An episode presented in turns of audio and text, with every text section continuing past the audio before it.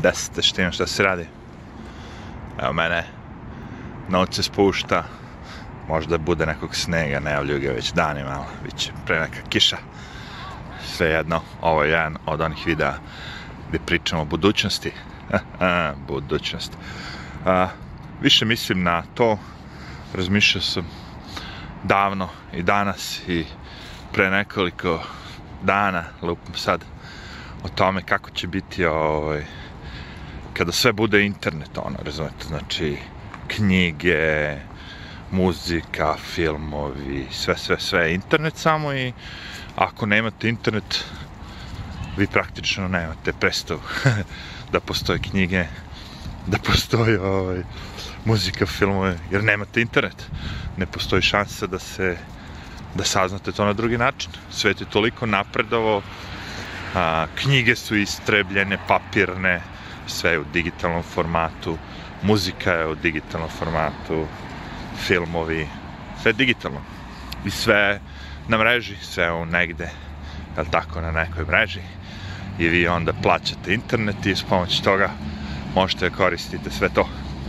A, u slučaju da nemate internet, nema ničega, jel tako? A, jer ti kompjuteri moderni koji budu, koje budemo koristili će biti samo ekrani i internet, ako me razumete.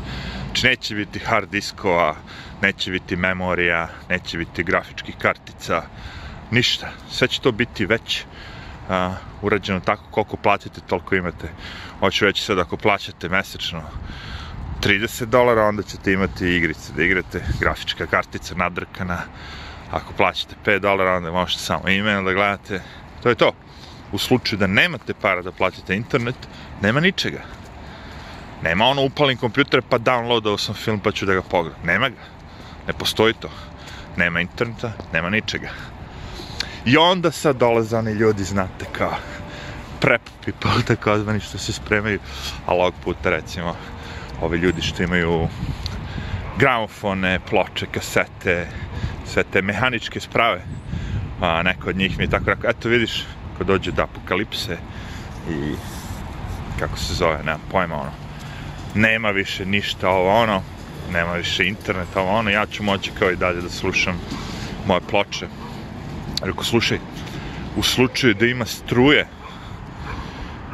da ti možda slušaš svoju ploču, osim ako nema, ali gramofon na navijenje, možda je na to mislio, ali ajde, ako je mislio kao da on može i dalje koristi ploče, kasete, ovo ono, ja sam rekao, pa onda ću ja moći da potrebam svoj MP3 player, znaš, ono jer i MP3 player možeš da ima istu muziku, potrebne baterije i eto, slušaš muziku. Ne veze što nema više interneta, što je došla apokalipsa, što se sve skenjalo, sve se srušilo, sve mu je kraj. znači, kad dođemo do tog momenta da oni kontrolišu vlade, jel tako, svetska vlada, šta god, ceo internet.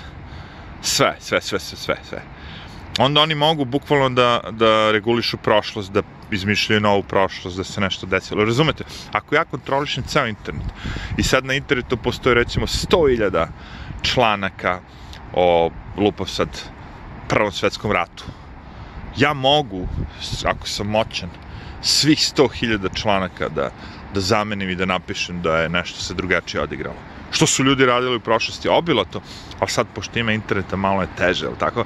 Ali kažem, ako ste moćan, možete da pobrišete sve i da izmenjate i da napravite da je, da je, da je sve, on, da izmenjate istoriju. Menjate je, bukvalno. A, zato sam ja i rekao da ne verujem mnogo baš on istoriji, više gledam šta se dešava svaki dan, ali Ako svaki dan dolazi cenzura interneta, ako je sve više više zatvoren, ako imate, nemam pojma, zemlje kao što je ta Koreja gde ono kao postoji 600 web sajtova samo i svih 600 web sajtova već imate knjige, tako da vi dalje nećeš moći. I ako to postane kao normalna stvar, da vlade sve ono regulišu internet, kažem, a oni mogu da, da, da u svakom momentu da vam iseku internet, da vi više, ne, kao što mogu da se izbrišu, da ne postojite, mogu da iseku internet i nema vas više.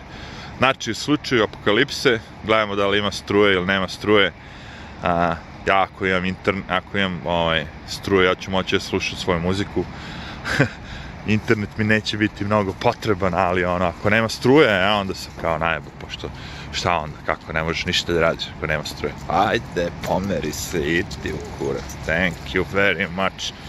Dobro nam nisi u dupe ušao, ono, jebo.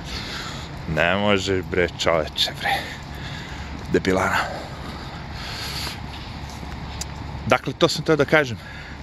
Uh, neće nam mnogo značiti kao ovaj, E, zato što ako se desi da je sve digitalizovano i da je sve u tom formatu, razumete, lako, lako za kontrolu forma, da se gde kažemo, onda je situacija drugčija. Ali ja sad vam pričam, znači, lupam sad, mi smo pre imali, neko ne plati struju, pa ovi utvrde posle mesec dana, dva, da on ne plaća, pa mu šalju opomene, pa, pa ono i na kraju izađe baja koji ode dođe do kuće te i onda na kući ili negde već ono osigurač neki ili nešto i odvrne ili isključe mu struju.